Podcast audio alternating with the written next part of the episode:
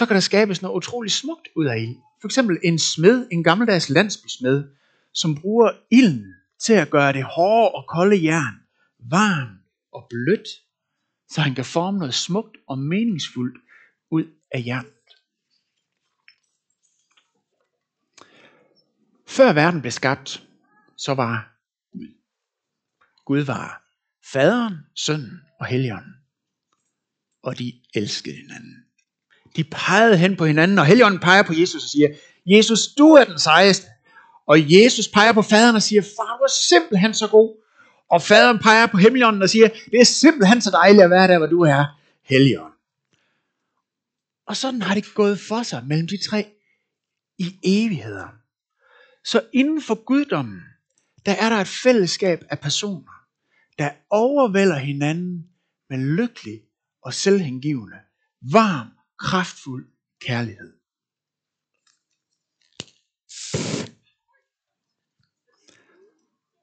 Men der hvor kærligheden er, der vil kærligheden deles. Gud vil altid deles. Så Gud skabte verden. Vi blev skabt. Du blev skabt. For vi skulle være en del af Guds kærlighed.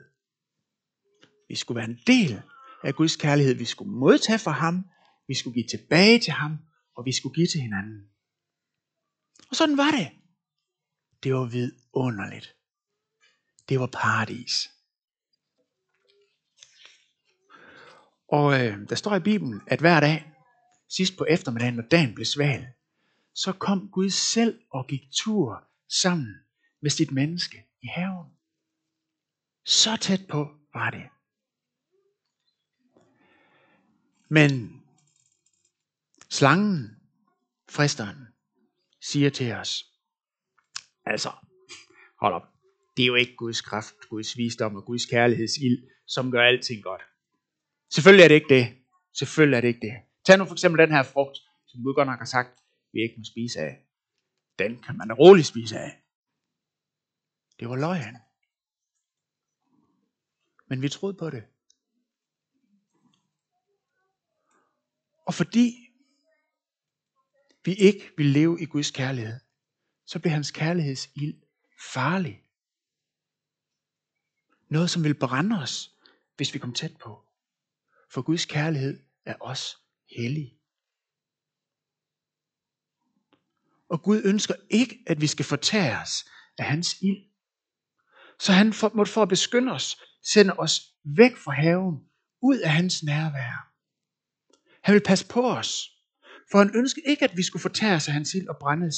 Så øst for haven ved indgangen til paradiset, der satte han engle som vagt med lysende flammesvær, der svingede fra side til side, for at bevogte vejen til paradiset.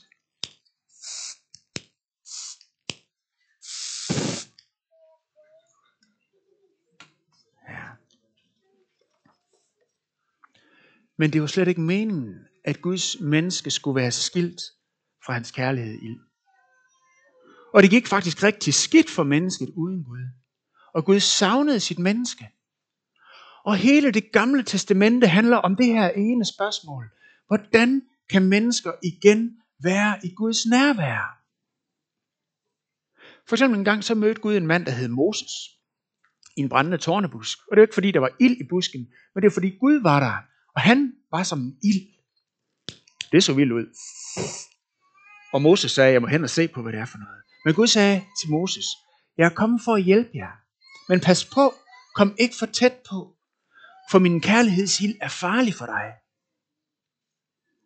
Og senere sagde Gud til Moses, byg en helligdom, hvor jeg kan bo, så jeg kan være tæt på jer, midt i blandt jer, midt imellem mine mennesker, for I har brug for mig. Men sæt et solidt hegn rundt om den helligdom, hvor jeg vil være inde i. For det er farligt, hvis mennesker bare vader ind i mit nærvær. Og så byggede de den første helligdom ude i ørkenen. Det var en sådan telthelligdom. Og senere, da de fik byen i Jerusalem, så byggede de templet der. Og øhm, helligdommen var indrettet på den måde, at der var et stort rum, der hed det hellige, og så et lille rum, der hed det allerhelligste. Og inde i det allerhelligste, der hvilede Guds herlighed. Og så som væg mellem de to rum, så var der et tykt, tykt forhæng, som skulle fungere som den her væg ind til det allerhelligste. Og på det forhæng, der var der vævet et billede.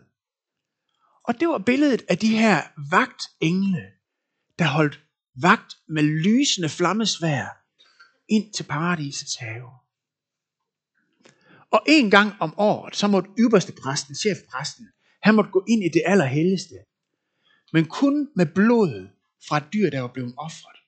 Og så gik han derind på vegne af hele folket, som stod udenfor og ventede. Og hvis han ikke kom ud, det, det var ikke så godt, så der gik et helt år inden der måtte nogen, der kom ind igen. Så hvis han skulle dø derinde eller sådan noget, så er det lige bundet så et ræb rundt om maven på ham, så de kunne trække ham ud, hvis, han, hvis der skete et eller andet. For der, kunne ikke, der var ikke andre, der måtte gå derind. Fordi Guds nærvær var ikke bare sådan noget, man vejede ind i, lige når man havde lyst. Det var farligt. Da Jesus støde på korset, der flængede Gud det forhæng, som hang ind i templet. Fordi Jesus gik ind i flammesværet. Han ville åbne en ny vej tilbage til det tabte paradis for os, så vi igen kunne leve i Guds nærvær. Han blev straffet for, at vi kunne få fred. Ja.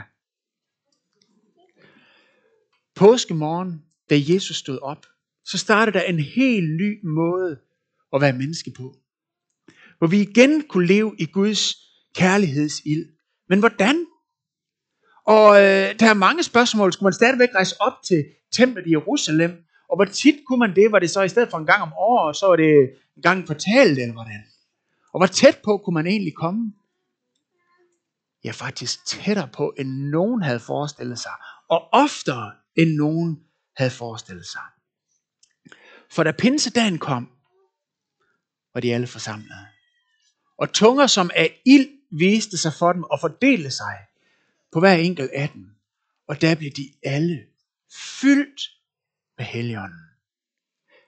Den hellige ånd. Den hellige ånd er jo hellig. Er ilden ikke farlig? Jo og nej. Jo, Gud er hellig. Hans kærlighedsild er stadigvæk farlig men ikke for dem, der hører til Jesus. For Jesus gik gennem ilden for os. Og nu bor Gud ikke længere i et hus, som hedder templet. Men din krop er det hus, som Helligånden vil bo i. Og for 20 år siden, så springer vi lige et godt stykke frem i historien. For 20 år siden var der en flok mennesker, som gjorde noget helt vildt.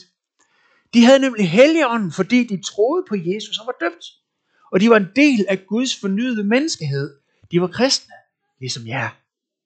Og de sagde, vi vil lave en kirke med det formål, at mennesker igen kan leve tæt med Gud og ære ham ved at gøre hans kærligheds ild tilgængelig for andre mennesker.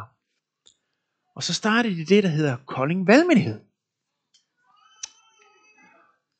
Menighedens formål står beskrevet i vores vedtægter, paragraf 2, styk 3.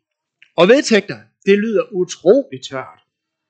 Men jeg vil godt sige, at vores formålsparagraf, det er noget af det smukkeste, jeg har læst uden for den bibelske tekst. Og det er ikke på grund af det poetiske niveau, men det er på grund af den skønhed og fylde af liv, som det formål tegner op. Og øh, vores formål kommer op her. Og øh, vi vil gøre det, at vi prøver at læse det højt sammen i kor. Lad os læse det sammen. Valgmenighedens formål er at vinde, opbygge og sende. Vi vil bevare, udruste og synliggøre en levende menighed, således at den forkynder evangeliet om Jesus Kristus som menneskets eneste frelser og herre i hele sin fylde, samt kalder mennesker til personlig tro og til at indgå som lemmer på Kristi læme, hvor igen Gud bliver ophøjet og æret. Det er så smukt, at endemålet med det hele er, at Gud må blive ophøjet og æret. Ham, som skabte det hele så smukt fra starten af.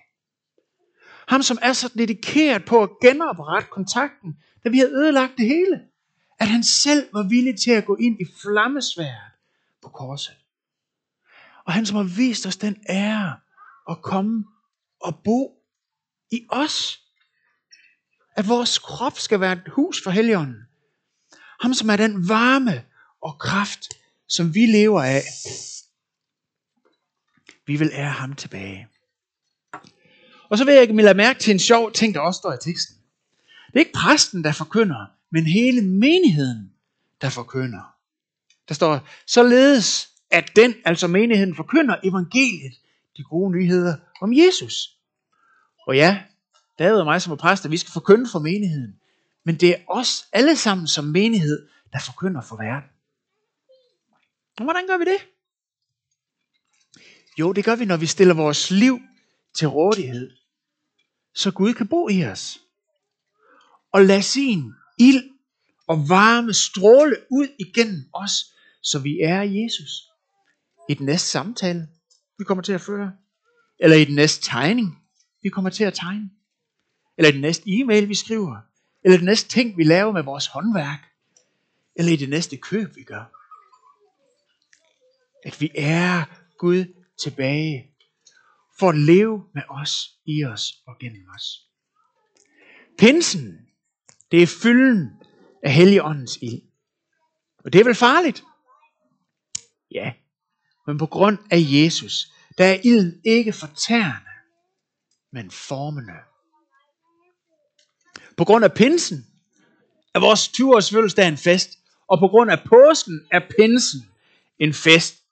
Og en 20-års fødselsdag, det er jo øh, en generel, generelt en fest, men en 20-års fødselsdag for en menighed, der har det som sit formål at leve tæt med Gud, og igen ære ham ved at gøre hans kærlighed tilgængelig. Der er det ikke bare festligt, der er det fantastisk. Og ved I hvad? Det er din fortælling. Det er vores fortælling. Det er håb, vi står midt i. Det er opstandelsen i 3D. Så tillykke med fødselsdagen. Kolding valgmulighed. Woo! Ja! Tillykke med påsken, tillykke med pinsen, og tillykke med fødselsdagen. Lad os lige rejse os op og så sige til sidemanden, tillykke med pinsen, tillykke med fødselsdagen.